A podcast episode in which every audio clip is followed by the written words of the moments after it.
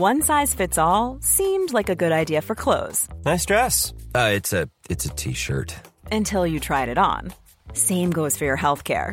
That's why United Healthcare offers a variety of flexible, budget friendly coverage for medical, vision, dental, and more. So, whether you're between jobs, coming off a parent's plan, or even missed open enrollment, you can find the plan that fits you best. Find out more about United Healthcare coverage at uh1.com. That's uh1.com. Cool fact a crocodile can't stick out its tongue. Also, you can get health insurance for a month or just under a year in some states. United Healthcare short term insurance plans, underwritten by Golden Rule Insurance Company, offer flexible, budget friendly coverage for you. Learn more at uh1.com. Many of us have those stubborn pounds that seem impossible to lose, no matter how good we eat or how hard we work out. My solution is PlushCare. PlushCare is a leading telehealth provider with doctors who are there for you day and night to partner with you in your weight loss journey. They can prescribe FDA-approved weight loss medications like Wagovi and Zepbound for those who qualify. Plus, they accept most insurance plans. To get started, visit plushcare.com slash weight loss. That's plushcare.com slash weight loss. Veckans sponsor är Telia. Hos Telia samlar man mobil, bredband, IT-support, mobilväxel, allt som gör företagande enkelt. Och det är just det här att samla allt på ett ställe, att ha någon att vända sig till när det inte fungerar, det är Telia. Ett exempel på vad som inte är Telia, det är ju som när jag lyckas boka förmötet för en poddinspelning med Finansinspektionen till efter själva inspelningstillfället. Eller när jag här, här året var liksom, fick för mig att jag skulle börja springa, så jag är liksom ute och springer taggad, träffar en kompis som säger så du Jan, på måndag ska jag springa ett lopp. Och jag känner så här, ja men det låter inspirerande, så jag käkar pasta, jag byter om, tar mig ner till Malmö stadion för att göra en efteranmälan, står där i kön och sen så när jag liksom anmäler mig så tittar de på mig och säger så här, du Jan, vårhuset är bara till för kvinnor. Och eh, det var, det var typisk en situation som inte är Telia. Oavsett, ett stort tack till Telia som sponsrar, gör Rika Tillsammans möjligt, men framför allt tack till dig som lyssnar, följer och eh, hänger med oss varje vecka. En fondrobot är något som verkligen är bra att ha, oavsett om man är nybörjare eller en erfaren sparare, för de automatiserar sparandet och ökar sannolikheten för att lyckas. Du lyssnar på Rika Tillsammans-podden som handlar om allt som är roligt med privatekonomi. I den här podden får du varje vecka ta del av konkreta tips, råd, verktyg och inspiration för att ta ditt sparande och din privatekonomi till nästa nivå på ett enkelt sätt. Vi som gör den här podden heter Jan och Caroline Bolmesson. Idag är det dags för avsnitt 86 Ja. och eh, idag är det lite så här favorit i repris. Det är så här bästa fondrobotarna 2019. Ja. Eh, Vad tänker du med att det är en favorit i repris? Ja, men ett av de första avsnitten som jag gjorde, liksom så här inspelat, då var jag ju själv, då innan du började vara med i poddavsnitten och sånt, då, då gjorde jag sånt hösten 2017. Mm. Och sen har det ju hänt en hel del och vi gjorde inget sånt här avsnitt förra året, så att nu tänkte jag att Det var eh, dags nu. nu är det dags. Ja. Och det handlar helt enkelt om liksom så där, lite så investeringar som sköter sig, sig själva. Ja, och investeringar kan, som är rätt lätta att komma igång med. Det är ju det som är tanken också, att man ska få det lite så skräddarsytt, men snabbt och lätt. Exakt, exakt. Mm. Detta är till och med enklare än det som jag brukar tycka är enkelt med nybörjarportföljen. Och det. Ja, Så detta men vad är det verkligen som är insteg. enkelt för dig? Det är bara att välja själv Ja, vilka men- fonder du ska ha. Och Precis, sen, men det är, precis, men det är kanske inte så enkelt för alla.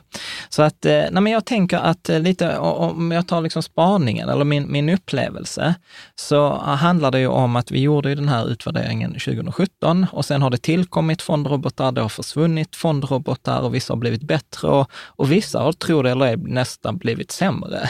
eller, eller i alla fall det är oförändrade. ändå de jag också vill höra om. Alltså Ja. det är klart man vill höra om vilka man ska välja. Ja, Men det är, sorry, det är också kul att höra ja. hur någonting kan ha blivit sämre. Ja, nej men precis.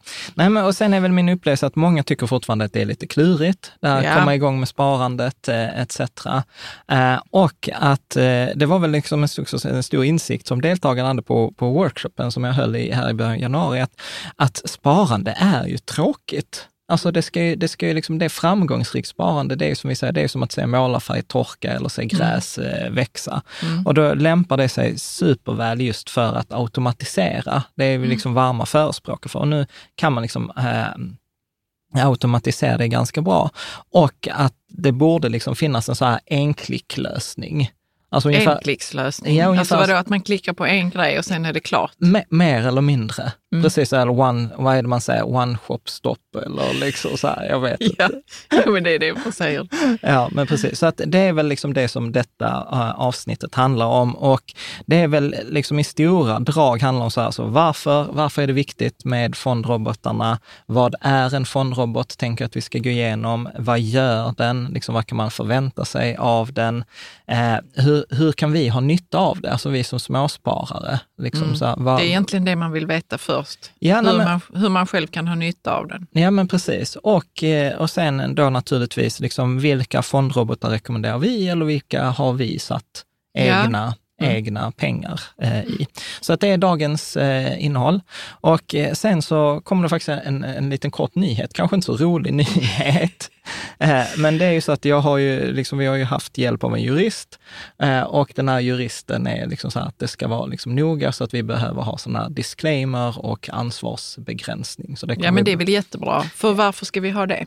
Nej, men det är för att ja, men så här, transparensen och tydlighetens eh, Nej, men Det är också för att de som, som läser och lyssnar och tittar på ja. oss ja. ska veta så, vad, um, vad vi själva sätter ja, våra pengar precis. i och, och vad, vad som är gör, reklam och, och, och, och, vilka samarbeten vi gör och varför vi gör de samarbetena. Exakt. Så att det är supertydligt med att vi gör samarbeten ja. i vissa blogginlägg och i, i, vissa har vi inte. Nej, så till exempel Nej. detta avsnittet är ingen som har sponsrat det, men vi har sponsrade länkar till Lysa, Opti, Avanza och Nordnet. Eh, mm. Men liksom ingen har varit med och påverkat. Och sen är det också viktigt att se att eh, liksom, eh, man behöver alltid fatta sina egna beslut, att det finns inga garantier. Eh, vad, att, vad tänker du då med att det finns inga garantier? För att man kommer tjäna pengar? Nej, nej, men eh, för historisk eh, avkastning till exempel. Så att ja. vi gör ju liksom så här så som vi själva gör, men eh, liksom så här, detta är inte personlig rådgivning, utan detta är det som kallas för allmän information och så vidare. Ja. Men jag tänker så här, Bra. det är inte superroligt att gå igenom den här liksom villkorstexten. Så Nej, jag, men jag detta tänk... ska vara till gagn för dig som lyssnar och tittar, att få veta ja. var vi står någonstans. Ja, så jag brukar säga så här, gå in på rikatillsammans.se villkor om mm. du är, eh, om man är jättenyfiken. Nyfiken. Och det är egentligen inget nytt, utan detta Nej. är egentligen så som vi alltid har gjort. Det är detta som alla som sysslar med bloggande bör, borde, bör borde, hålla på med. Borde göra, mm. liksom, helt enkelt. Vad var det din jurist sa? att Ja, det är inte alla som eh, bryr sig. Nej, han, Av de som bloggar alltså? Nej, precis. Eh, nej, men, och det är någon specialist inom Ja, men det, är, det, är en, med, det är specialist eh, inom liksom så marknadsföring eh, och, och sådant som, som, är, som är väldigt duktiga och väldigt, väldigt dyra. Hoppas han inte hör detta. Eh, bra, men nu går vi vidare. Ja, vi går vidare. Då. Så att om vi sammanfattar eh, dagens eh, avsnitt. Är det den här exekutiva sammanfattningen nu? Ja, precis. Mm. Så för dig som lyssnar eller tittar på detta och liksom har pallat lyssna på massa snack om villkor, här kommer eh, då liksom punkt, huvudpunkterna. Vi, huvudpunkterna i avsnittet. Ja, en sammanfattning, mm. typ abstract. Mm. Så att en fondrobot egentligen, vad, vad en fondrobot gör, det är att den hjälper dig att välja fonder, den hjälper dig med en tillgångsfördelning, detta som jag alltid tjatar om. Alltså vad är det som gör störst skillnad? Jo, det är hur mycket aktier eller hur mycket räntefonder du väljer. Andelen då, alltså hur mycket, ja, hur andelen räntefonder och andelen aktier. Så det hjälper en fondrobot dig med. Eh, den hjälper dig med det som eh, förrförra avsnittet, som handlade om ombalansering. Eh, mm. Eh, gör, man kan ombalansera sin ja, Så att den gör det automatiskt och den hjälper dig med månadssparande. Mm. Så man skulle kunna säga att en fondrobot gör hela det där jobbet som är, så hur gör jag? Hur ja. sparar jag? Allt det kan en fondrobot göra åt en helt enkelt. Och jag skulle säga så här att en fondrobot ger de flesta spararna bättre portfölj än vad de har. Så mm. att med en fondrobot får du faktiskt det oftast, skulle jag säga, det betydligt bättre portfölj än vad den genomsnittliga spararen har. Och det handlar tyvärr inte om att fondrobotarna är så himla bra, utan för att de genomsnittliga spararna är så himla dåliga.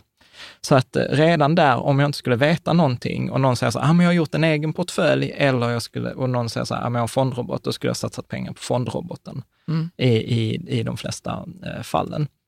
De gör det enkelt att komma igång. Vissa är enklare än andra, men det är ändå hyfsat enkelt. Du behöver liksom inte kunna någonting om fonder för att komma igång med en fondrobot. Utan Bra. man behöver spa, svara på vissa frågor, men det kommer jag återkomma till. Man behöver till. egentligen bara ha degen? Deg? Alltså jag har nog aldrig använt ordet degen i något av de här hundra avsnitten Nej, vi har haft. Förlåt, man behöver bara ha pengarna. Var kom det här med degen ifrån? Jag vet inte, det använder man väl ibland. Nej, jag vet inte. Jag har aldrig använt det. Konstigt. Mm. Om vi tittar på de två bästa eh, så är det Lyse och Opti. Eh, mm. som är liksom överlägset. Jag kommer att prata om det senare.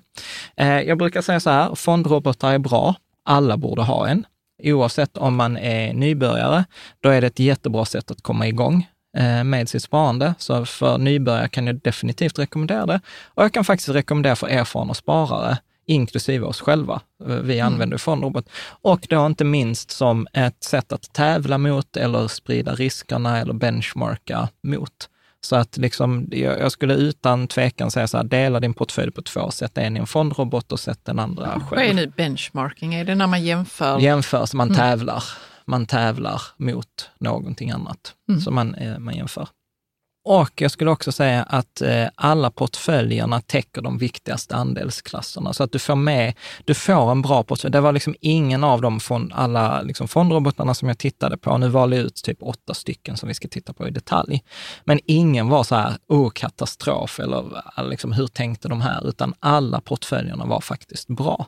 Mm. Så att, eh, och som sagt, det är därför jag utan problem kan säga att eh, en fondrobot ger ofta en bättre portfölj än den genomsnittliga spararen. Eh, det är först när vi tittar till exempel på globala barnportföljen och nybörjarportföljen, då är det i paritet. Alltså det är ungefär lika bra portföljer, skulle jag faktiskt säga. Så du måste upp på den nivån för att det ska, det ska bli bättre. Och eh, sen så skulle jag fortfarande också säga att eh, fondrobotarna, trots att de har funnits nu två år, fortfarande är i sin linda. Där finns så mycket potential som jag ser. Om jag hade ägt ett fondrobotföretag, så vad jag hade velat göra, eller om man kan titta utomlands, vad, vad är det fondrobotar gör utomlands som de borde kunna göra i Sverige? Menar du att vi ligger efter? Ja, vi ligger efter. Absolut. Absolut. Är det USA Flera, som vanligt? Ja, USA. USA, där är, de är jättebra. Det, mm. det Men liksom... sån, de fondrobotarna kan inte vi välja då, eller? Nej, nej det kan vi inte. Det, alltså det är ju så konstigt. Man sitter kanske med, med sina pengar och tänker att nu så, jag kan köpa vad jag vill. Ja, nej, men det kan, men det kan man inte på grund av en massa lagstiftning, lagstiftning, lagstiftning och skatte, ekonomisk skatte, lagstiftning. Och skatte, skatteskäl mm. eh, framför allt. Mm. Eh, så att det skulle jag säga är sammanfattningen så att eh, om du inte vill lyssna mer nu så har du fått eh, guldkornen. Nu kommer vi liksom fördjupa och förklara och gå igenom i, i detalj. Ja.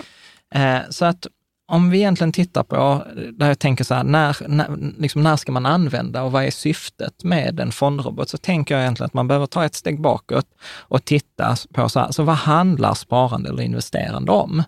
Och, för mig eller nej, generellt? Generellt, generellt, mm. generellt. Alltså om man så bryter ner de övergripande stegen så skulle jag säga att det första handlar om att eh, redan här, detta missar de flesta, de, flesta finansiella rådgivare, de flesta sparare. Men jag är ju en så här eh, stark förespråkare att det första steget när man sparar är att bestämma ett mål. Mm. Liksom så här, vad, vad är det jag vill uppnå? Hur mycket av det vill jag ha? Men jag tror anledningen till att man det? missar det är för att man vet kanske inte vilka mål som finns. Absolut. Och det känns som att det bara ska sparas till någon slags konsumtion ja, Eller att det ska bli så mycket som möjligt. Eller att det ska bli så mycket som ja. möjligt. Det är heller inget ja. mål. Ja. Nej, men detta är ju en av de stora poängerna som jag gör på den här heldagsworkshopen som jag håller. Att det handlar om att sparande är, alltså på engelska pratar man om att investeringar är investment vehicles. Alltså att det är ett fordon som ska ta mig från mitt nuläge till mitt framtida läge. Mm. Det finns liksom inget egensyfte i själva pengarna men kan du ta ett exempel på ett sånt mål? Jo, men jag tänkte jag går igenom stegen det. och sen, ja, tar jag, sen går jag igenom ett exempel. Så det första steget är att bestämma mål. Sen när man bestämt målet så behöver man bestämma nuläget. Alltså så här, hur ser det ut idag? Eh, alltså som om jag ska gå ner i vikt. Jag behöver bestämma vad vill jag väga och jag behöver ta reda på vad väger jag idag, mm. eh, helt enkelt. Och sen behöver jag bestämma begränsningarna. Liksom. Så hur mycket kan jag spara? Hur lång tid vill jag att det ska ta? Vad finns det för skatteskäl? Liksom så här, I viktmetafor, nej men glass vill jag ha. Liksom, eller när jag hur mycket glass kan jag ja, precis. få? Eh, eller så här, hur mycket behöver jag springa? Eller hur mycket tid mm. har jag? Sen när jag har då bestämt mål, bestämt nuläget, bestämt begränsningarna, så kommer vi på själva huret. Och då behöver jag liksom välja en tillgångsfördelning. Alltså hur mycket aktier ska jag ha som är då gasen, som vi har använt tidigare avsnitt som metafor. Hur mycket gas och hur mycket broms? Och vi vill inte bara ha en bil som bara har broms och vi vill inte ha en bil som bara har gas. Nej. Utan man, man ska alltid ha gas och broms. Gas är aktier, broms är räntefonder. Sen när vi har valt då andelen, ja då behöver jag ju välja specifika fonder, alltså specifika aktiefonder, så hur ska den här gasen se ut? Och specifika räntefonder. Och sen så ska jag, måste jag se till att det, att det balanserar så att det inte Så att det varje år är samma proportioner på i min portfölj? Exakt. För annars så kommer annars det bara... Så glider det. Ja, annars glider annars det blir det liksom till slut för mycket gas och så är det ingen broms kvar. Liksom. Och Men det vi har ju gått igenom det i... Uh... Avsnitt 84, 83 tror mm. jag att det var. Precis. Eh, ombalansering 2019 heter det avsnittet. Och sen vill man eventuellt månadsspara. Så alltså att jag repeterar det. Så det första steget liksom i investering, det är bestämma ett mål, bestämma nuläget, bestämma begränsningarna, välja tillgångsfördelning, välja fonder, ombalansera och månadsspara. Perfekt. Basically, that's, that's it. Liksom. Men egentligen, Jan, så har du aldrig, aldrig förklarat det så enkelt som nu. Ja, men Vägen det... till ekonomisk framgång. Ja, alltså vad, vad skönt det, att det bara är avsnitt 86. Eh, det tog oss 86 timmar. Det tar tid innan man eh, liksom kokar ner det till vad det egentligen handlar om och ger ja. en sån här checklista. Ja, men precis. Mm. Om jag ska ta, ta, ett, ta ett exempel då. Vi kan ta eh, sparandet till, eh, till våra döttrar. Då. Mm. Eh, då handlar det ju så här, till exempel vi har ju sagt, och som vi skrev i boken då, den här Gör ditt barn rikt, att, eh, att målet är att de när de fyller 18 ska ha 250 000. Det, det är liksom pengar till en kontantinsats, till körkort, till en resa eh, etc. Så att eh, då ska de ha det när de fyller 18, det är i alla fall målet. Tittar vi då på nuläget, så är nuläget att de har 128 000. Mm. Och begränsningarna är så här, vi sparar inte hela barnbidraget, utan vi sparar en del av barnbidraget, i detta fallet då 1500 kronor. Och sen har vi 11 och 17 års tidshorisont Precis. på det. Så det är begränsningarna. Så 1500 kronor. Och där kan jag säga en parentes. Sparar du bara hela barnbidraget och dina barn är typ små, så är det att överspara. Då sparar du, då sparar du för Får mycket. de lite för mycket när de kommer mycket, ut? Det blir för mycket pengar alltså, då. Ja, man kan ju tro att ju mer desto bättre, men, men det är inte så nej, med barn. det är lätt att man kan göra barn en, en björntjänst eh, faktiskt. Mm. Så, eh, och sen så får man göra någon så här reality check. Så funkar de här begränsningarna och då brukar jag använda den här eh, ränta på ränta-räknaren på Riket Samman. Så då slår jag in, så okej, okay, så om jag månadsspar 1500 i då 12 år, kommer pengarna räcka? Ja, ja. och det, det gjorde de. Och tillgångsfördelningen, då har, har jag valt, eftersom det är mer än tio år, den här globala barnportföljen som är 90 mm. procent aktier, 10 procent räntefonder. Och den kan man väl se på Shareville, vad du har? Ja, eller ombalanseringsartikeln. Där, kan man se, där kan man se exakt. Men mm. hela poängen är idag att vi ska prata om fondrobotar, så man kan ja, använda fondrobot för det där. Absolut. Tittar vi på de bra fonderna så har vi den artikeln som heter Bästa fonderna 2019. Ombalansering, det gör vi en gång vid nyår Eh, då avsnitt 83 och månadssparandet då 1500 kronor. Så att detta är egentligen då strategin som vi sa innan. Bestämma målet 250 000 när de fyller 18. Eh, nuläget, en viss summa, ett visst månadssparande. Sen gjorde jag bara en reality check. Funkar det med ränta på ränta-kalkylatorn? Valde tillgångsfördelning, valde fonderna, valde ombalansering och månadssparande. Men detta är ju ganska många steg, särskilt om man är ny ja. så, så är detta ja, så här, okej, okay, så vad är en fond och vilka fonderna och varför är det, ska det vara på det sättet? Och det är där en fondrobot, då egentligen du bara behöver bestämma målet, begränsningarna och sen trycker du nästa, nästa, nästa och sen gör den allt annat. Du behöver inte tänka på fonderna, du behöver inte tänka på tillgångsfördelningen, du behöver inte tänka på månadssparandet. Mm. Och det är där då fondrobotarna har sitt stora värde, upplever, mm. upplever jag. Ett annat värde för att liksom se vart det här kommer in, det är ju det att vi brukar tjata om den här eh, fyra hinkar-principen. Mm. Eh, avsnitt 47, eh, som jag för övrigt har uppdaterat på bloggen. Så, att där är, så där det är ännu bättre nu? Så det är ännu bättre. Där kommer gissar un, under våren ett nytt avsnitt om fyra hinkar. Mm. Det känns också som, som att det tog också så 50 avsnitt att lista ut eh, innan det blev bra. Ja. Men, men där, utan att gå in på det för mycket, så den första bufferthinken som är då lågrisk, det, det funkar ju så här, ja men 10 procent ränte, eller förlåt, 10 procent aktiefonder, 90 procent räntefonder låg risk. Så att mm. man kan använda fondrobot för att göra bufferthink. Mm. Och tittar vi på nästa eh, hink som är då mellanriskhinken, ja då ska det vara 60 procent aktier, 40 procent räntefonder. Och det kan man också sätta hos en fondrobot, att ställa mm. in den här eh, balansen, den här tillgångsfördelningen. Och passiva hinken är ju precis samma sak, det är bara att det är 90 procent aktier och 10 procent räntefonder. Så att eh, liksom den här fondroboten liksom egentligen bypassar den allt. Alltså allt det som vi pratar om, barnsparande eller buffertsparande eller mellanrisk eller indexfond, allt det kan egentligen de här fondrobotarna göra. Och där var ju en diskussion på bloggen också, så här, finns det egentligen någon anledning att inte välja en fondrobot? Ja, det är frågan. Ja, och det, det är ju om man själv vill hålla på med. Ja, precis. Det kommer jag till i slutet mm. också, så har jag en checklista lite så man kan tänka mm. med lite frågor.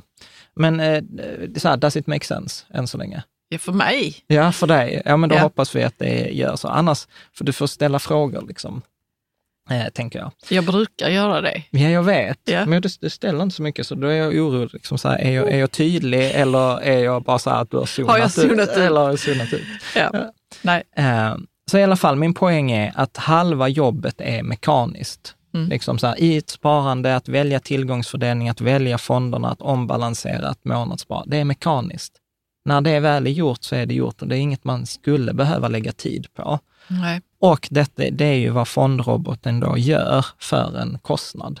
Eh, mm. Då. För en liten kostnad? Den ja, ofta, är väl inte ofta särskilt stor? Då? Nej, men vissa, till exempel där, mellan 0,3 och 0,8 procent. Så har man en miljon kronor så kostar det 3 000 kronor. Eh, eller per då, år? Per år. Eller mm. har du 100 000 du sparar, ja, då betalar du 300 kronor. Och det kan, jag kan tycka att det är lätt värt 300 kronor för att få, få den avkastningen. Särskilt eftersom jag sa innan att de flesta har så dåliga portföljer. Mm. Liksom. Ty, ty, tyvärr, tyvärr. Hur har du sett det, att, att det är många som har dåliga portföljer?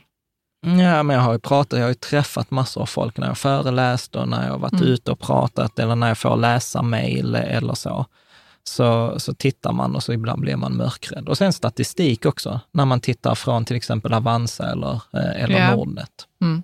Och om vi tittar då på de stora fondrobotarna, så de som jag har valt att ta med i den här utvärderingen, då är mm. det då Lysa, Opti, Better Wealth, Fundler, Avanza Auto och Nordnet Robosave. Så mm. det är de, de största. Sen finns det även andra, att det finns till exempel Nordea har en fondrobot som de har döpt till Nora. Tycker ändå det är sötaste, eller det finaste namnet. Ja, ja. men när du, när du säger det så här så känns det som att Nordea Alltså det är ju ändå en stor bank, men att de kom inte med här riktigt. Nej, för, då, och det för var, de hade var, en, en gullig liten robot som ja, jag vet kanske inte, inte klassar in, eller? Nej, nej, men det var för att jag är inte kund på Nordea. Jag kunde inte få fram någon information och, och, jag tyckte det var allmänt knökigt. Ja, och eh, så ska det ju inte vara. Man, kan, man ska ju tänka att jag vill kunna läsa det ska på. vara lätt ja. med fondroboten. Ja. Men mm. man, de ska ju få pluspoäng att de är ju bättre än Swedbank, Handelsbanken, SEB. Eh, så att, eh, har de också sina fondrobotar? Nej, de har inga. De har inga. Eh, inte vad jag kunde liksom säga. Så. Och sen mm. finns det andra som till exempel vissa pensionsbolag, Advinans och Lifeplan eh, etc. Men jag har tittat på det, vad kan man välja utan att ha något specialavtal, utan vad kan vem, ja, vem, som, helst, som väl, helst. Vem som mm. helst välja? Mm. Och först och främst också, det som överraskade mig positivt var att liksom alla uppfyller det som man skulle kunna kalla för hygienkraven. Det var liksom inget konstigt med någon av fondrobotarna. Va, vänta, vad, vad skulle kunna vara konstigt? Nej, men det skulle kunna vara så här att de inte använder investeringssparkonto så att skatten blir hög. Det skulle ja. kunna vara att lagstiftningsmässigt eh, är, det, är det något konstigt eller att de väljer konstiga fonder eller, eller tar extra betalt eller mm. bara väljer sina egna fonder. Ja, alltså, alltså den typen av Nej. så här som är så här, eh, konstigt. Nej, men ing, jag hittade ingenting eh, mm. sådant. Ingen är direkt dålig, eh, men några är mindre bra. Ja. Så skulle jag, eh, skulle jag säga. Och jag skulle säga att de flesta är, eller alla är bättre än alternativen vad småspararen mm. eh, har. Om man mm. inte kör då globala barnportföljen, nybörjarportföljen. Mm. För då skulle jag faktiskt satt dem som med jämförelse mm. eh, här i, liksom i paritet. Ja. Och, och, jag skulle bara säga att typ, det är en eller två portföljer som är riktigt mycket bättre än eh, globala barnportföljen eller nybörjarportföljen. Som du kommer visa? Som nu. jag kommer visa. Ja. Eh, men jag, Vi kommer men, prata om det. Ja, men som du har lärt mig, jag har inte listor. Jag tror jag har, gjort 20, jag har gått igenom 27 olika portföljer i researchen till detta. Liksom, för man får ju olika kombinationer. Men de har jag inte redovisat här, utan de, kom, de finns på bloggen. Du visar mig dem ikväll. Ja, precis. I ett separat. Du, det där lät ju bara jättekonstigt. Nu går vi vidare. Så att om jag tittar så en av de viktigaste faktorerna, det som jag alltid tjatar om, det är så här, låga avgifter, låga avgifter, låga avgifter. Ja. Det spelar liksom jättestor roll över tid. Och eh, de eh, här har gjort det. Och, och här rekommenderar du som bara liksom lyssnar på detta, titta in på bloggen, för där finns tabeller, alla de här jämförelserna. Jag kommer inte gå igenom Vi har en alla... tabell här där vi jämför avgifterna. Ja, precis. Och jag, olika precis. Och jag kommer inte gå igenom, jag kommer inte gå igenom, jag kommer inte gå igenom alla, utan det kan man titta på. Men mm. det, det, som kan sägas här är ju att eh, det, när man tittar på en fondrobot så måste man titta på vad tar fondrobotföretaget betalt? Ja. Och vilka extra kostnader tillkommer utöver mm. det. Och eh, fondrobotar, det är ju det de tar betalt och sen tillkommer det avgifter för fonderna, för de har ju sällan egna fonder, utan då betalar ju de till någon annan eller valutaväxlingsavgifter etc. Men är det någonting vi själva behöver liksom lägga tid på att kolla? Mm. Är det som när man liksom köper en flygplatsstol hos något sånt lågprisföretag. nej, Så bara kommer det jättemycket nej, extra. Ja. Du måste ha det här skatten ja. och den. Och... Ja, nej, men man behöver kolla det. Nu har jag gjort den sammanställningen. Ja. Så jag har räknat in och jag har ringt dem och jag har kollat och dubbelkollat och, och så här. Men det kan ändå vara att jag har gjort fel. Men det som är eh, tydligast är ju liksom så här, Lysa är billigast. Eh, så att de har till och med en staplad, ju mer pengar du har, desto billigare blir det. Mm. Och då kommer du ner på, jag tror att det är mellan 0,3 och 0,4 procent eller 0,39. Så maximalt betalar du 0,4 eh, procent. Och that's it? That's it. Och det är mm. superbra. Det är vad jag mm. brukar säga, det betalar du i vissa eh, fonder. Tittar jag på, exempel på nybörjarportföljen så betalar jag tror jag 0,45 Eh, ja. där, så att du kommer till och med billigare undan med mm. Lysa än att välja fonderna själv. Så de är extremt duktiga. Sen vet vi också, vi har ju haft Patrik eh, här på, i något avsnitt och han är ju extremt duktig på att jaga de där eh, avgifterna. Mm. Till exempel Nordnet har ju en valutaväxlingsavgift på 0,25 procent och det låter som ganska liksom, lite, 0,25 procent. Ja, då tror jag att, liksom så att, att Patrik vid något tillfälle sa att du vet, de är nere på under fem punkter, alltså alltså 0,05, alltså fem gånger billigare. Och det spelar roll. På lång sikt ja. spelar det roll eh, mm. för oss. Den andra, som jag, det, det är Lysa Opti som jag sa, som är bäst, så jag kommer jämföra med dem. Eh, Opti är lite dyra, de ligger mellan 0,82 och 0,88. Så de är ungefär dubbelt så dyra. Men sen kommer vi också säga att det är vissa skillnader eh, mm. då, mellan de här. Annars är det väl inte så mycket att säga. Fundler ligger väl på 0,79, Better Wealth 0,94 eh, mellan, eh, och till 1. Avanza ligger på ungefär 0,5 eh, och Nordnet ligger på ungefär 0,9. Eh, ja. Så alla ligger under liksom runt 1 procent. Men eh, de som sticker ut här, som jag tycker lyssna efter, det är Lysa och Opti. Mm. Det är de som är bäst. Sen har jag försökt be göra bedömningar på andra faktorer också. Eh, inte bara priset tycker jag är en av de absolut viktigaste eh, urvalskriterierna. Men sen så skiljer de sig åt också på andra faktorer, som till exempel använder, loggar man in och gör man det via en hemsida eller gör man det via en app?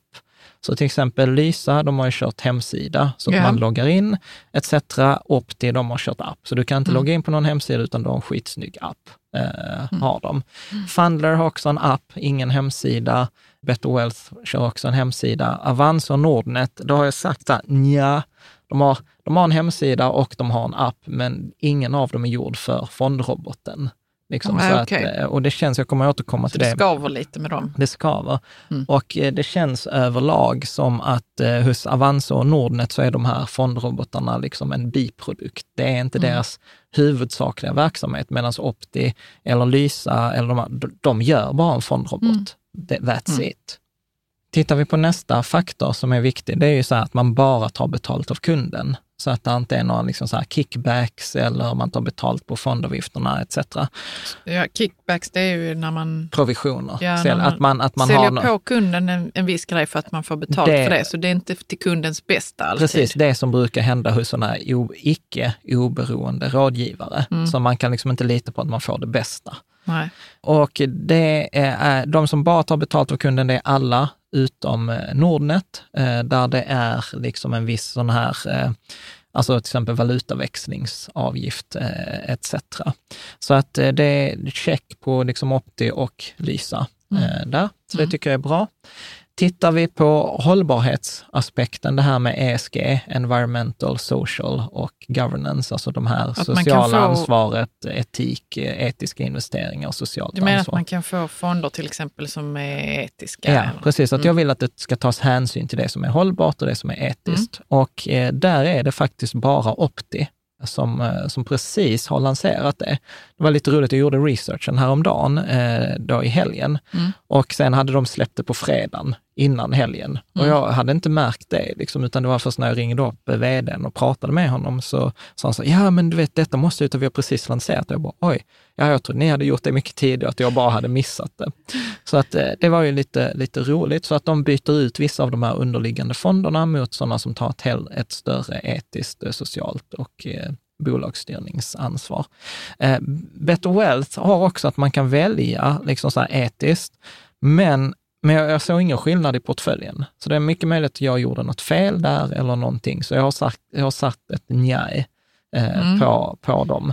Så det, det, kan mycket väl vara så användarproblem eh, eh där. Men, mm. men Opti har det liksom, och de har till och med så här, jag kan ha min normala portfölj, ta hänsyn eller ta maximal hänsyn.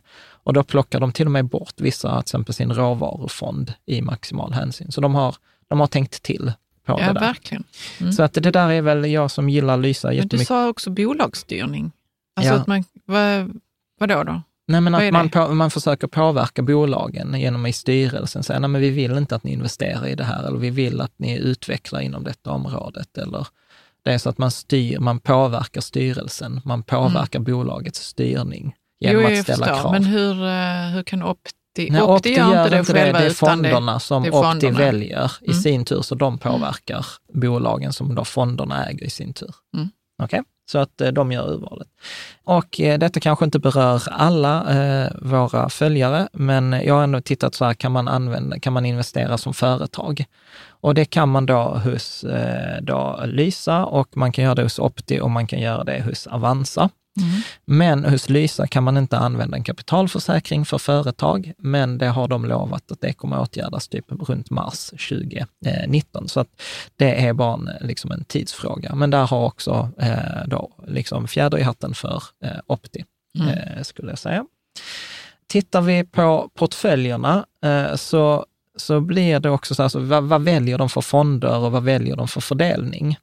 Så, så är det ju inte så att du behöver svara, men jag vill ha 90-10 eller 60-40, utan du svarar på en massa frågor och sen får du ett förslag. Ja, precis. Från, så för när, man, när man väljer att använda en fondrobot så får man svara på, på massa frågor. Som en, som en liten enkät. Ja, precis. Så och att man då, får precis det man vill ha. Ja, och där ska jag säga att de olika bolagen är olika duktiga på mm. det här. Vissa av bolagen har jättekomplicerade eh, frågor. Eh, jag skulle också säga att där blir det lite pluspoäng till Opti, för de har en ganska enkel sån här enkla frågor. Mm. Eh, Fundler har också en jättefin process. Man kan få välja, så här, har du två barn eller ett barn? Har du villa? Eller liksom så, här, så trycker man in på så här fina ikoner. Eh, Lysa har eh, mest teknisk, så jag som är nörd, jag gillar ju Lysas, men jag kan gissa att eh, det, det skrämmer lite. Men jag vet att de mm. jobbar, allihop jobbar på det. Jag ska säga någonting där. Förnedringen är Nordnets. Alltså du vet, de, de tvingar en... Berätta, jo, men vad de, menar de, du? Ja, men du vet, de tvingar en svara på 25 frågor. Och, sen, och då är det dessutom så här att det är rätt och fel, så att det blir som att liksom man ska svara rätt på frågorna. Ja, du märker det? Att det ja, kan... ja, ja, men så här, har eh, det generellt sett högre eller lägre risk att investera i en fond jämfört med en aktie? Alltså det har inte de andra, eh, den typen av frågor. Så du kan liksom, det är men, som ett prov? Ja, nästan. Men detta är inte det värsta. Så när du väl har klickat dig, tragglat dig igenom de 25 frågorna, så får du från Norden så här, ah, vi kan inte ge dig ett portföljförslag. Nej. Och då känner man sig liksom så här, ja, jag känner mig liksom lite förnedrad. Liksom så här, att okay, nu har jag lagt tid här. Ja, och känner att man vill slå på någonting. Ja, men lite, lite så faktiskt. Mm. Eh, det finns väl säkert någon tanke, men då kan jag inte bara så här anpassa, okej, okay, vi kunde inte ge dig så gör ett eget val. Nej, då ska mm. du tillbaka och svara på alla de där 25 frågorna igen. Mm, och det är inte säkert det funkar denna gången Nej. heller. Alltså så att användarvänligheten är Nej, ingen... man förlorar ju kunder på det. Ja, mm. eh, Avanza har någon, någon slags mittemellan-variant mm. på det där. Men det, det har också gjort det jättesvårt eh, att jämföra portföljerna för att eh, liksom så att de eftersom det inte frågorna är samma så kan du inte svara likadant, utan Nej. det blir väl ungefär. Så jag har försökt mm. svara eh, ett fegisalternativ, så jag bara, åh jag hatar risk, jag ska använda pengarna på kort sikt, jag har ingen ekonomi, alltså du vet så här. Så jag får det, det som jag fattar borde ge lägst risk, ja. alltså buffert, och sen har jag gjort det som är maxrisk. så, så du gick in i olika personas? Ja, precis. Sen gick jag då bananas-personen, liksom så här, ja. men jag har maxrisk, jag har flera miljoner och liksom så här, så ge mig, ge mig liksom eh, det det, varför, varför är den som tar, vill ta maxrisk, varför har den flera miljoner? Det är ju den som tar minst risk. Ja, det är så, en annan diskussion. Anyway, men, men, det handlade liksom helt enkelt Det var den personen som ja, kom fram sen, i dig. Precis, och sen försökte jag ställa in som ett barnsparande. Mm. Liksom, så att det är de tre portföljerna jag försökt jämföra. Mm. Så som jag sa, liksom, det var inte likadana, eh, de här frågorna. Eh, och eh, sen så har jag också liksom försökt titta på att man har lite olika tillgångslag i, i portföljerna. Eh, men då har jag helt enkelt försökt utvärdera det, tittat på det som jag, jag bedömer viktigast. Och då har jag då tittat till exempel på, har man med svenska aktier, till exempel svenska stora, medelstora bolag? alla hade det alla, alla, liksom, alla fondrobotarna. Har man med europeiska aktier? Alla fondrobotarna hade med det. Har man med amerikanska aktier, alla hade det. Har ja, man med Asien... Vi pratar om bredden här nu. Ja, på. precis. Har man med Asien, ut, all, ut. alla hade det. Mm. Eh, har man med tillväxtmarknader, ja, alla hade det. Så att, och det är det jag menar, så att ingen är direkt dålig. Eh, och detta är precis samma tanke som, som vi använder när, när vi konstruerade nybörjarportföljen eller globala barnportföljen, att det är samma tänk. Alltså, liksom, det finns inte så många olika lösningar på svaret, så här, vad är en bra eh, portfölj? Eh, liksom. Det är först när man börjar komma in på de olika nischerna då, som till exempel så här, eh, så småbolag. Ingår det exponering mot småbolag, där vi brukar säga att småbolag ger lite högre avkastning till en större risk. Och då har till exempel Lysa har det, Opti har det, Fundler har det inte, Better Wealth har det, Avanza har det, Nordnet har det inte, Globala barnportföljen och Nybörjarportföljen har det. Ja. Så, att, så att här börjar vi liksom komma in på liksom så små skillnader. Mm. Så aktiedelen, som sagt, godkänt. Jag skulle säga godkänt på alli, allihop. Skönt. Tittar vi på räntedelen, här blir det lite klurigare. Tittar vi då på svenska stats och bostadsobligationer, alla har med det inklusive våra två portföljer. Och här är ännu en tabell man kan titta på om ja, man vill precis. Det. Allt detta mm. står ju på, på bloggen. Sen börjar det komma in så här, när man tittar på svenska realränteobligationer, eh, det här med att som ska skydda mot inflation, då har till exempel Lysa det, Opti har det, vi har det i våra portföljer. Jag tror att, eh, och sen har inte de andra det. De andra fondrobotarna? De, de andra fondrobotarna. Så att återigen, liksom Lysa, Opti och våra portföljer ligger ju väldigt nära mm. eh, i, i konstruktion och eh, bra. Eh, det är egentligen där det första som börjar sticka ut här är, okej, okay, har man globala reala obligationer, ja, men då är det typ bara Opti som har valt dem, men ingen av de andra. Mm. Hur kommer det sig tror du? Nej, men alltså, vi är inne på så nyanser att det, det kommer liksom så här, vad har man för tro? Vad har man gjort för tolkning av forskningen? Etc. Det är samma och liksom skillnaderna kommer, och det, alltså detta är detaljer, vi pratar om de där sista 5, 5 procenten av avkastning. Eh, så att det, det, detta är verkligen skillnad på marginalen. Så att, mm. så att de, de, stor, de, stora penseldragen är det same same. Mm. Utan det är först när vi kommer på de här olika tillgångslagen, där till exempel Opti och Avanza har valt att ta med råvaror i, i portföljen. Det har inte vi gjort i våra mm. medvetet. Vi Men vad har, kan det vara? Kan det vara så Guld Olja, då till exempel? Nej, nej, nej, guld. nej, guld brukar inte räknas in i råvaror tyvärr. Nej, Eller som en, bara en egen kategori del. kanske. Mm. Eh, utan det, det är olja, energi, liksom massa andra, vete, spannmål, eh, koppar, koppar. Mm. den typen. Naturgas tror jag också. Så att det har till exempel då Better Wealth och Opti i sin, eh, i sin portfölj. Vi har inte det, eh, Lysa har inte heller det. Fastigheter är det bara Better Wealth som har valt och guld är det bara vi som har i våra portföljer. Mm. Så att där, men alltså återigen, detta är så här, det är inte som att äh, men jag väljer inte Lysa för att de har inte globala Nej, för det är, ränteobligationer. Det är som du säger, alltså, det, spelar, det spelar inte så stor roll, roll i slutändan. Nej. nej för de sista procenten Nej. avkastning. Och skulle man sammanfatta skillnaderna, och, och, det är detta jag menar att skillnader slår på marginalen. Till exempel eh, Opti har valt att valutasäkra sina, sina räntefonder. Medan det har till exempel inte Lysa, eh, det har inte Lysa Men vad gjort. betyder det då? Nej, men att man har en valutarisk till exempel mm. hos Lysa i obligationerna. Att du har, liksom så som vi har pratat om, att du räntan, eh, i en räntefond så är det ju liksom att du har lånat ut pengar och du får en viss ränta. Men eftersom den räntan betalas tillbaka i euro och inte i kronor, så spelar ju förändringen av eurokursen i förhållande till svenska kronan också roll. Ja, det gör det. Och, och då säger till exempel Opti så här, okej, okay, vi tycker att det är viktigt, vi tror att portföljen blir bättre om man valutaskyddar, Medan Lysa säger så här, över, nu citerar jag inte utan jag bara hittar på liksom hur det kan låta. Nej, men vi anser att valuta över tid eh, spelar inte någon större roll och vi tror också att det är bra att diversifiera från den svenska kronan. Yeah, yeah. Så att eh, man kan liksom argumentera på, på olika sätt och där finns inte något så här, men detta är rätt, detta är fel. Medan att så här, nej men vi har inte med amerikanska aktier, det är fel. Yeah. Liksom. Eh, så, så. Råvaror eller ej. Vissa, mm. till exempel, då säger jag pratade med eh, Lysas vd Patrik om det här specifikt och han sa så här, ja, alltså vi har funderat på att ta med råvaror, det hade varit väldigt enkelt för oss att göra oss, men, men vi tror inte att det gör portföljen bättre. Så vi Nej. har valt att inte ta med dem. Pratar man med Optis och säger så här, alltså vi är de enda som har med råvaror i vår portfölj. Vi tycker att liksom, tittar man på de studier vi har gjort eller vår forskning, så tycker vi att råvaror gör det bättre. Mm. Liksom hugget som Men stucket. Jag tänker också det där när man sitter och, med sin fondrobot, till exempel mm. i appen eller hemsidan och, och ska mm. välja. Ja. Skulle man själv valt råvaror när man hade satt ihop sin portfölj?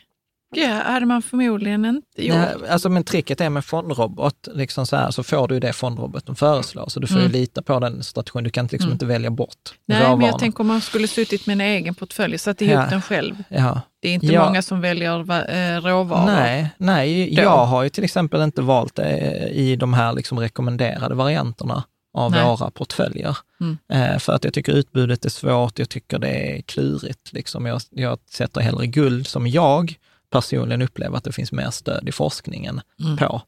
Eh, men, men då har de gjort bedömningen så här, guld, nej, sån Sån skit vill inte vi ha i vår portfölj. så, att, men du vet, så här, så här blir det ju, liksom, man kan vara oense men, liksom, om detaljerna, men återigen, det viktigaste är så här, eh, liksom de stora penseldragen. Ja. Svenska aktier, utländska, eh, europeiska aktier, amerikanska aktier. Så lätt aktier. att sitta och prata om de här skillnaderna som, ja. som kanske inte betyder så mycket nej, egentligen nej, i slutändan. Precis. Eh, sen kan man också ta det här etiskt eller hållbart alternativ mm. som Opti har valt. Eh, Lysa vet jag också har haft det på gång, men, men där hade vi hela den här artikeln som vi gjorde om, här, om hållbart och klimatsmart sparande, som, som det blev jättemycket kontrovers kring liksom att huruvida det liksom, eh, hjälper och ens är lönt och hur påverkar det att jag lägger mina pengar i klimatsmart sparande eller inte. Men, mm. Medan jag kan tycka så här, nej men jag tycker det är viktigt med klimatsmart sparande, mm. på, till och med på den nivån att jag går bortom fonder och aktier och väljer högriskinvesteringar för att jag just gynnar vissa så specifika hållbara klimatsmarta eh, alternativ. Sen har jag gjort en sammanställning, för, för det som egentligen är viktigt, det är ju då hur fördelar de de här aktierna och räntorna? Mm. Eh, för det påverkar ju mycket, med, det har vi pratat om i tidigare avsnitt, att tillgångslaget spelar mest roll. Så att eh, då har jag gjort, liksom så här, vad, vad, har de här olika fondrobotarna föreslagit när jag varit eh, liksom jätteförsiktig? När jag mm. velat ha en buffert, vad har de föreslagit när jag varit jätteaggressiv? Och vad har de föreslagit där för ett barnsparande? Precis. Och, och, då kan man säga så här att eh, det som jag tycker är att på långa perioder så ska man ju ta maxrisk, då ska man ha högst andel eh, aktier. Och här kan jag då till exempel uppleva till exempel att om jag tar Lysa Opti, vi fokuserar på de två eh, som jag tycker är bäst, så då ger de ganska liknande förslag på, på bufferten att 20 procent aktier, eh, 20 eh, aktier och 80 procent räntor, eller i fallet med, eh, med Opti att de lägger till 5 procent råvaror och 75 procent mm. räntor. Så mm. att i princip ekvivalenta förslag. Är detta den fega? Det, det, är den fega, liksom. Mm. Mycket räntefonder, lite aktier. Mm. Tittar vi på maximal risk, då får jag hos Lysa 100 procent aktier ja. och hos eh, Opti får då 75 procent aktier, 20 procent räntefonder, eh, nej 15 procent räntefonder och 10 procent eh, råvaror. Så att där kan jag ju tycka till exempel att eh, Opti liksom tillåter man inte ta högre risk än 75, 15, 5. Nej, tycker du det liksom, är bra? Eller, eller 75, 15, 10. Nej, jag tycker det är lite dåligt. Jag skulle mm. vilja kunna ta högre risk. Och sen mm. är det en massa andra förslag eh, på det där. Så tabellen finns på, på hemsidan eller på, mm. den här, på den här bilden. Och då också som jag sa, att för nästa steg egentligen visa fonderna, men då blir det liksom 27 portföljer, där är 10 fonder, det är 270 olika liksom, fonder. Ja. Så att jag har valt, jag kommer inte ens redovisa det i tabeller på, på bloggen, utan jag kommer helt enkelt hänvisa till mitt Excel-blad. Ja. Så jag har ett jätte-Excel-blad. Men det man kan ta med sig, allt det viktigaste är med i alla portföljerna. Det är svårt att värdera den här skillnaden. Så vad är skillnaden att ha 5% råvaror gentemot att inte ha 5% råvaror? Vad är skillnaden att ha valutasäkrade räntefonder, att inte ha det? Så att skulle jag sammanfatta det så skulle jag säga så här, Lysa är billigare, de är billigast, ja. men de har inga råvaror och ingen valutasäkring. Opti, de är dyrare, Eh, för de hade en högre den här avgiften, men de har råvaror och valutasäkring. Mm. Och tittar man då till exempel på Better Wealth, de har inga svenska fonder, men de har med fastigheter. Mm. Så att jag, jag liksom så här, det är inte ens lönt att försöka göra, räkna på det här, utan jag skulle säga så här att, att min tro är att tittar vi över en tioårsperiod så kommer detta gå på jämnt ut. Ja. Det är liksom, man har valt så här, lite högre avgift, lite fler grejer, lite lägre avgift, lite andra grejer. Alltså, mm. Jag tror att det går mm. på jämnt ut. För mig är inte detta något som, åh, Opti har råvaror, då kommer jag välja det över Lysa. Mm. Utan tvärtom, mm. då är jag nästan att jag lutar åt så här lägre, hellre en lägre avgift. Eh, så tänker jag. Ja, ja jag tänkte på det där du sa om att det fanns så mycket potential. Ja, det kommer. Det kommer alldeles strax. Okej. Okay. Jag Då lämnar jag det för nu. Ja, jag är snabb, mm. men inte så snabb. Eh, så att det, det, det, viktigaste är liksom så här att det är mycket större påverkan om man väljer liksom 20 procent eh, aktier, eh, 80 procent räntor eller 80 procent eh, aktier och 20 procent. Det är mycket viktigare än de här detaljerna. Så att eh, om jag ska gå igenom lite så här plus och minus på de olika, eh, liksom, nu börjar vi närma oss sammanfattningen och potentialen och sen tänkte jag ta detaljstudier på vinnarna. Jag trodde vi var i sammanfattningen nu. Jo, men vi, bör, mig. vi börjar... Jag måste bara ta en kopp ja. klunk te. Ja. ja, men vi kommer dit. Nej, mm. men jag, jag, om jag ska ta så här, så jag tycker ja. liksom att Lysa, eh, de är då billigast. Jag tycker att de har den bästa portföljen, bättre mm. portfölj än mm. vad man själv kan ha. Nackdel, minuset med Lysa är att de har ingen app. De har ett högre tröskel, instegströskel. Det är lite svårare att komma igång. Frågorna är till exempel inte lika enkla. Nej. som de är hos eh, Opti. Eh, och de har inget hållbarhetsperspektiv. Tittar vi på Opti, så de, är, de, är bäst, eh, de har bäst app, eh, de har den här hållbarhetsalternativen, de är enklast, skulle jag säga, att komma igång. Fundler är också jättebra på att komma igång, men sen tycker jag inte de matchar eh, lika mycket. Däremot så tycker jag att Opti är dyrare liksom mm. dyrast. Eh, Fundler, liksom eh, enkelt komma igång med, men liksom så här, portföljen är okej. Okay. De är inte fantastiska.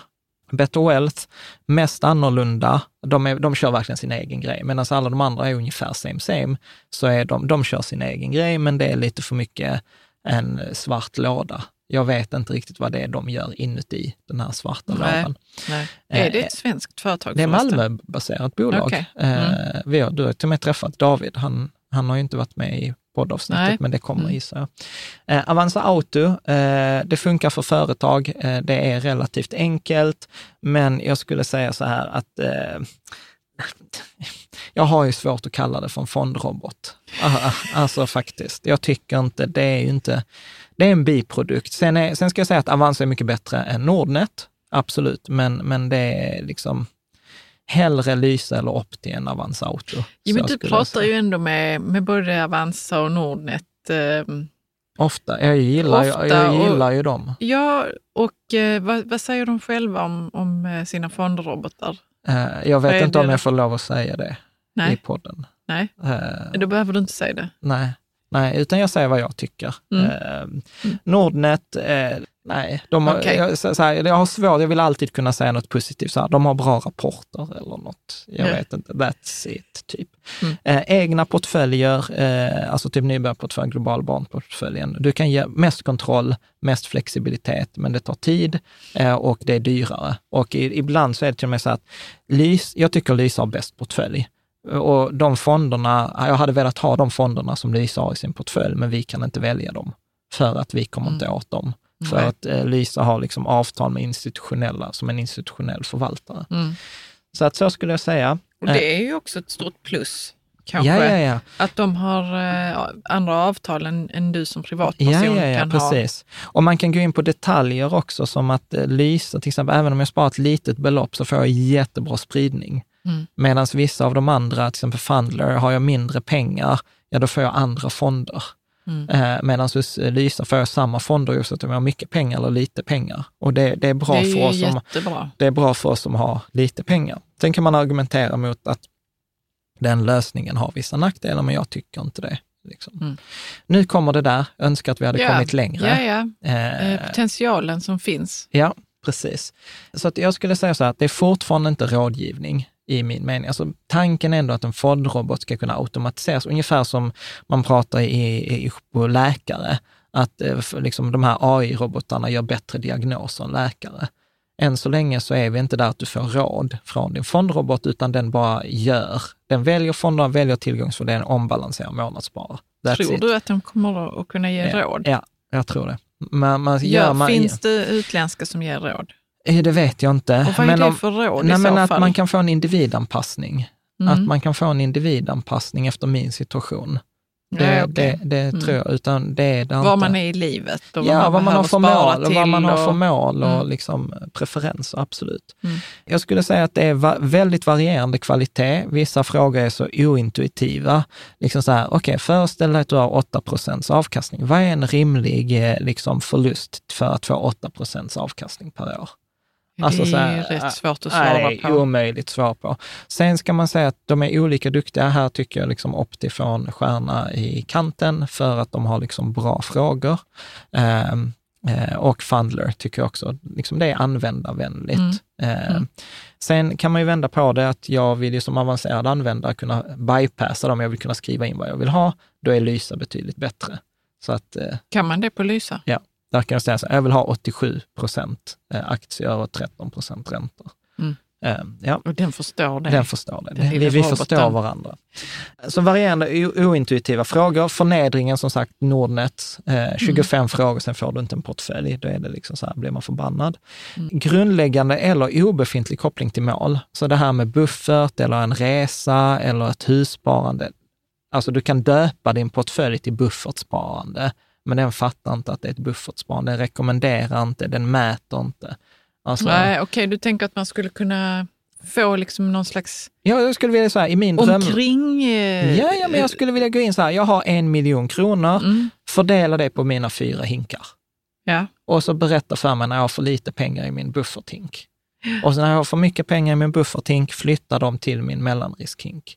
Mm. Alltså den... den ja, alltså jag, jag, kan se vad du menar, att den skulle lära känna dig. Ja, och, eller så här, mäta så här, du är på spår i förhållande... Alltså jag älskar ju Novo-appen som vi pratar bästa, Novo, ja. Mm. bästa kreditkorten, där som vi har en sponsrad deal med. De har ju liksom så här, okej, okay, du sparar 350 kronor i veckan eller 400 kronor i veckan. Fortsätter du så här tills du är 65 så kommer du ha mer pengar än du behöver. Ja. känns ju skitbra. Mm. Och det, varför gör inte de det? Ja, det hade varit lätt ja, ja, ändå. Precis. Så gillar man, vill man testa det här Mikrospar Nova-appen, använd gärna när du registrerar dig för appen Rika Tillsammans så får du 100 spänn och vi får 100 spänn. Så det är så bra deal. Alltså ingen koppling till mål. Eh, man har ingen utvärdering, liksom går före plan, efter plan, ligger på plan. Eh, antingen så har de en app eller en hemsida. Det är liksom så här hos eh, Du vill ha båda? Jag vill ha båda. Ja. Liksom, är det för mycket begärt? liksom, ibland är jag på telefonen, ibland är jag på datorn. Eh, så här, ingen har ett vanligt sparkonto. Så här, garanterad avkastning, insättningsgaranti, mm. eh, liksom som jag skulle kunna Men, ha.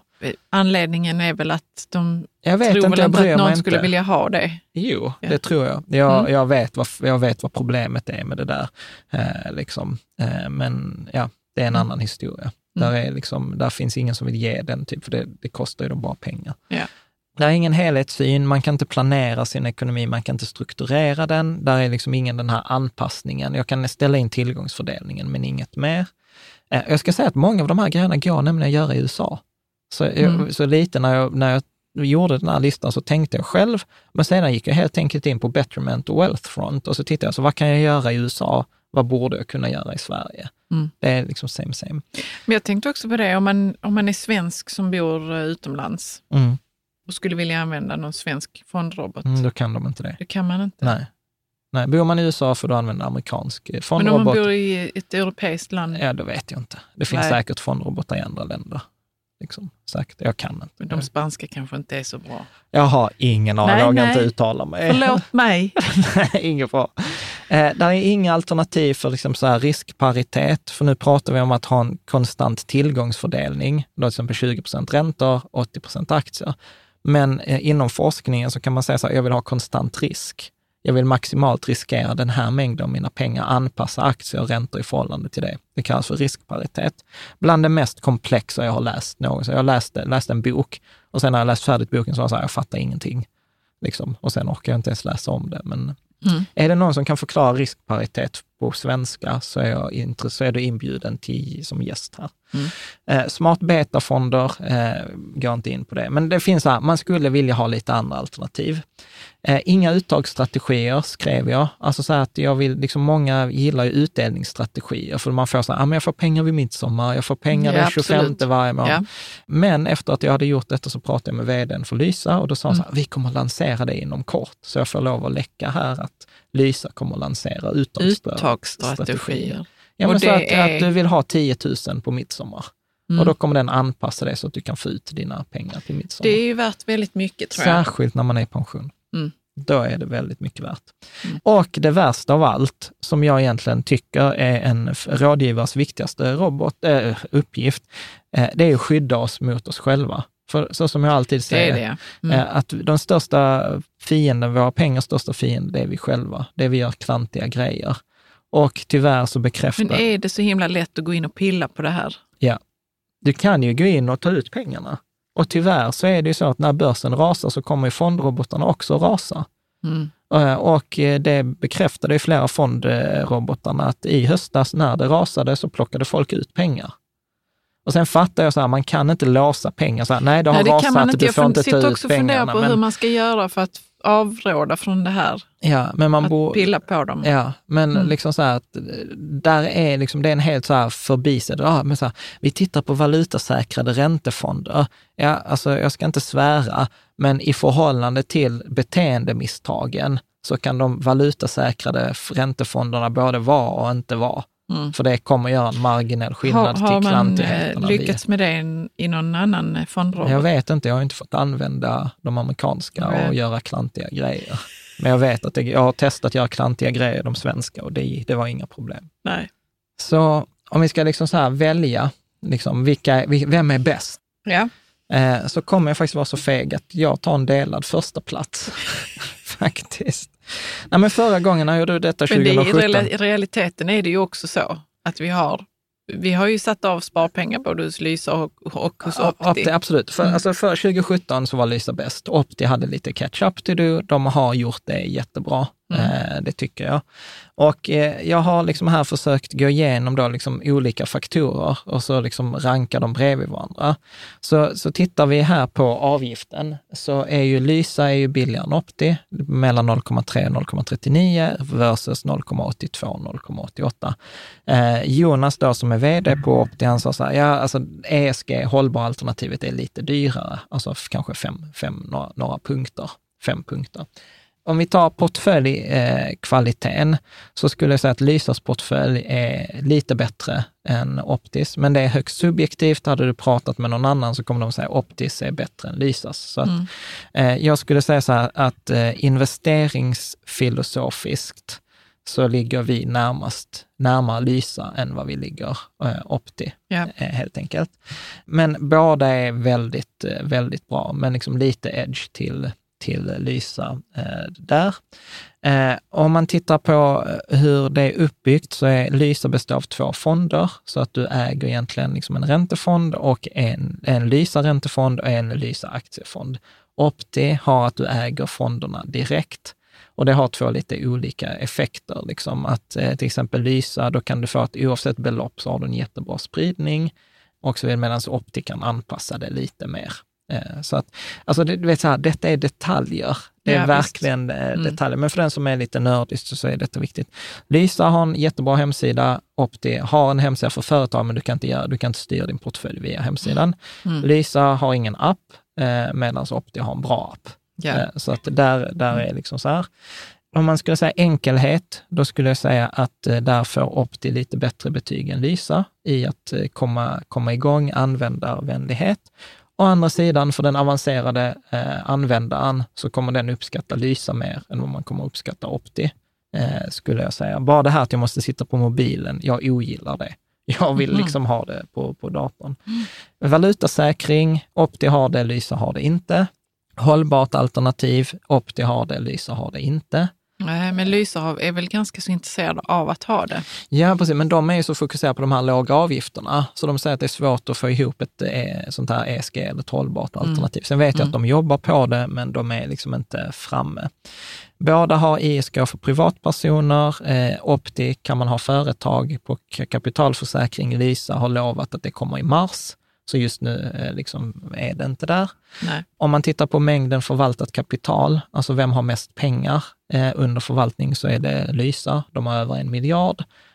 Opti har under en miljard. Varför det spelar roll är för att jag tror att om vi tittar om fem år så kommer inte alla fondrobotarna överleva. Nej. Utan då behöver man titta på vilka är det som kommer liksom vara, konsolideras, alltså vilka kommer att vara kvar. Och då tror jag mm. liksom att det kommer att vara framförallt Lysa och eh, Opti. Sen spelar inte det, alltså om en fondrobot går omkull så spelar inte det någon roll för dina pengar. Nej, för men du, vad, vad händer med dem då? Liksom? Nej, men du får ut dem i fonderna eller du får ut dem i kontanter och du kan mm. föra över fonderna till eh. Avanza eller Nordnet. Perfekt. Så att dina pengar, är, det är det jag menar, hygien, det där är en hygienfaktor. Det är det. Eh, absolut. Mm. Om vi tar uttagsstrategier, Lysa har det, kommer att lansera det inom kort, eh, Opti har det inte.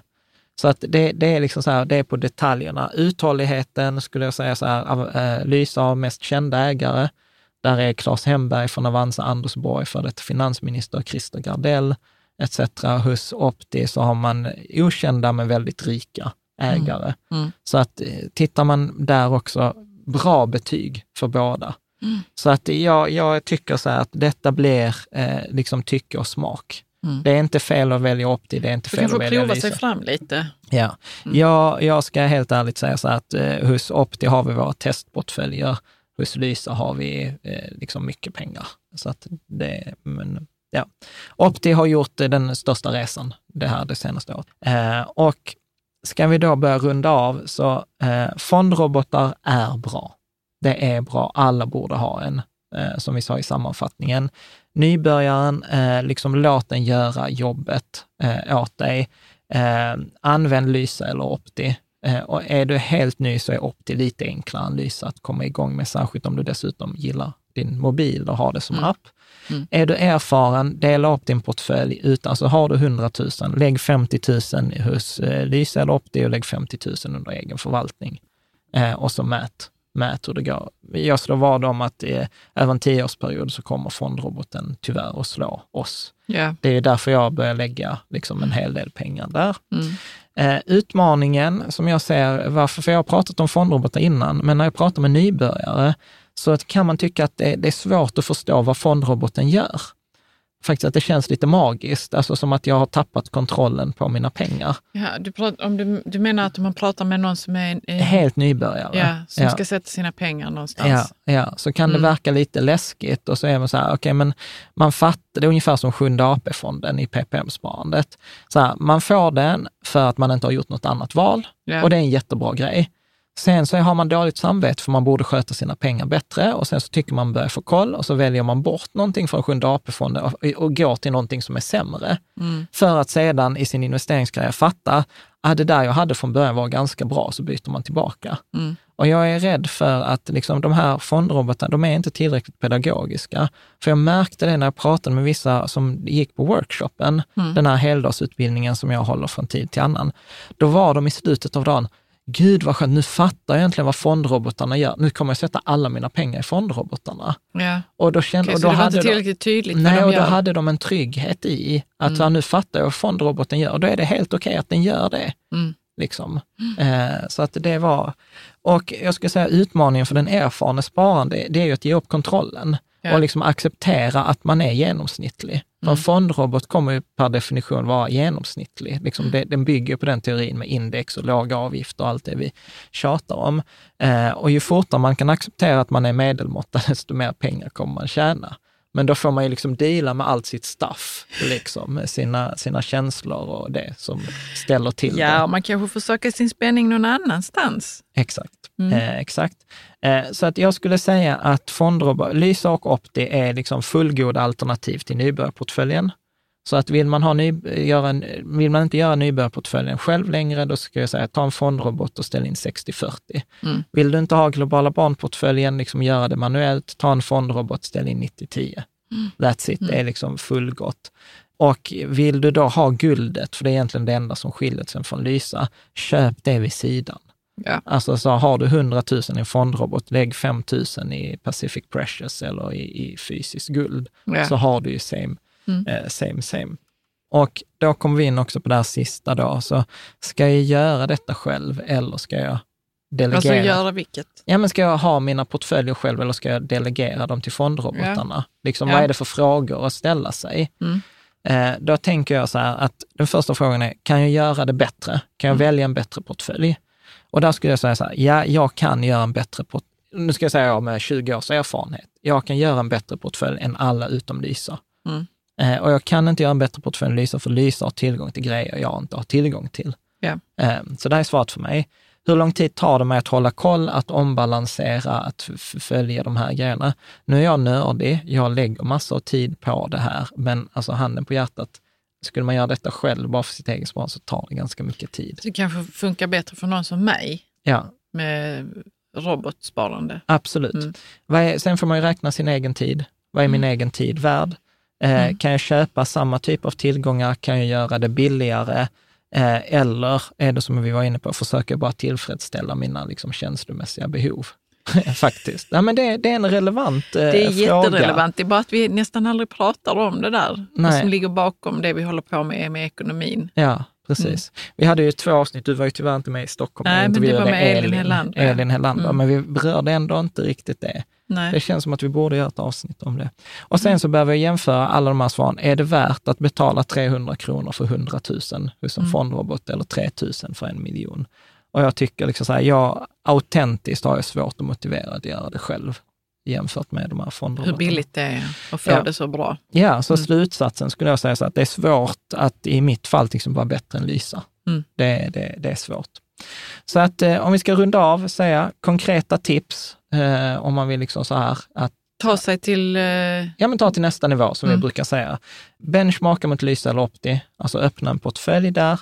Bygg gärna dina fyra hinkar. Det är ju ett så här tips hos eh, dem, liksom bufferthinken, mellanriskhinken, den passiva hinken. Alltså tre av fyra grejer kan du ha hos Lysa. Du får gärna lov att använda våra sponsrade länkar om du väljer att bli kund hos Lysa eller eh, Opti och då är det då rikatillsammans.se partner lysa eller rikatillsammans.se partner Opti. Det finns i anslutning till eh, avsnittet. Och eh, vill du hänga med oss eh, framgent, liksom, om du gillade detta avsnittet, så rekommenderar vi nyhetsbrevet. Mm. Det kommer ut typ en gång i månaden. Ja. Något sånt. Lite, mm. väldigt, o, det måste vara Sveriges mest oregelbundna nyhetsbrev. Jo, jag, jag, ibland så känner jag så. Det är så här, du kommer inte uppleva dig bli spammad. Jag får tvärtom mejl från läsare. Så, äh, du, jag har anmält mig till nyhetsbrev, men det har inte kommit någonting. Jag vill anmäla mig på denna e-postadressen också. Mm. Och jag är bara så, äh, sorry, det är jag som inte har skickat på två månader. Eh, så nyhetsbrevet, eh, när det kommer så är det jävligt bra. så tycker jag, tycker jag själv. Eh, fika tillsammans. Vi kommer ha de här när man kan träffas, typ en after work, men de kommer vi bara köra under våren 2019. Mm. Mm. Kommer inte köra dem under hösten så som det ser ut eh, nu. Workshop, eh, som jag har nämnt ett par gånger, det är en heldagsutbildning för dig som liksom vill göra det, lära dig. Det är liksom bäst av Rika tillsammans under en hel dag. Mm. rikatillsammans.se workshop och de andra var då rika tillsammans fika tillsammans. Och sen finns vi lite i sociala medier, men vi är skitdåliga. Alltså vi jobbar mest på bloggen. Vi jobbar mest på bloggen. Och är här nere i studion. Ja, precis. Mm. sen lägger jag ibland på sociala medier. Ibland också. lägger du något på Facebook. Ja, ja precis. Mm. Så att eh, som vanligt, låt oss hjälpas åt. Har jag missat någonting i den här genomgången? Är där någon, eh, har du någon annan erfarenhet av fondrobotar eller något? Så att kommentera gärna på, helst på bloggen, ja. brukar vi säga. Så här. Mm. Gud vad jag kände att jag sålde in sociala medier, det andra dåligt nu. Men, men Jan, alltså, vi är ärliga, vi är inte så mycket på de sociala medierna. Nej. Vi jobbar ju mest för att skapa Göra. ett värde. Ja, och det mm. är faktiskt avsnitten och de här poddavsnitten. Mm. Ja, men med det sagt, eh, jag hoppas att du uppskattade detta avsnittet och eh, att vi ses eh, nästa mm. söndag. Tack.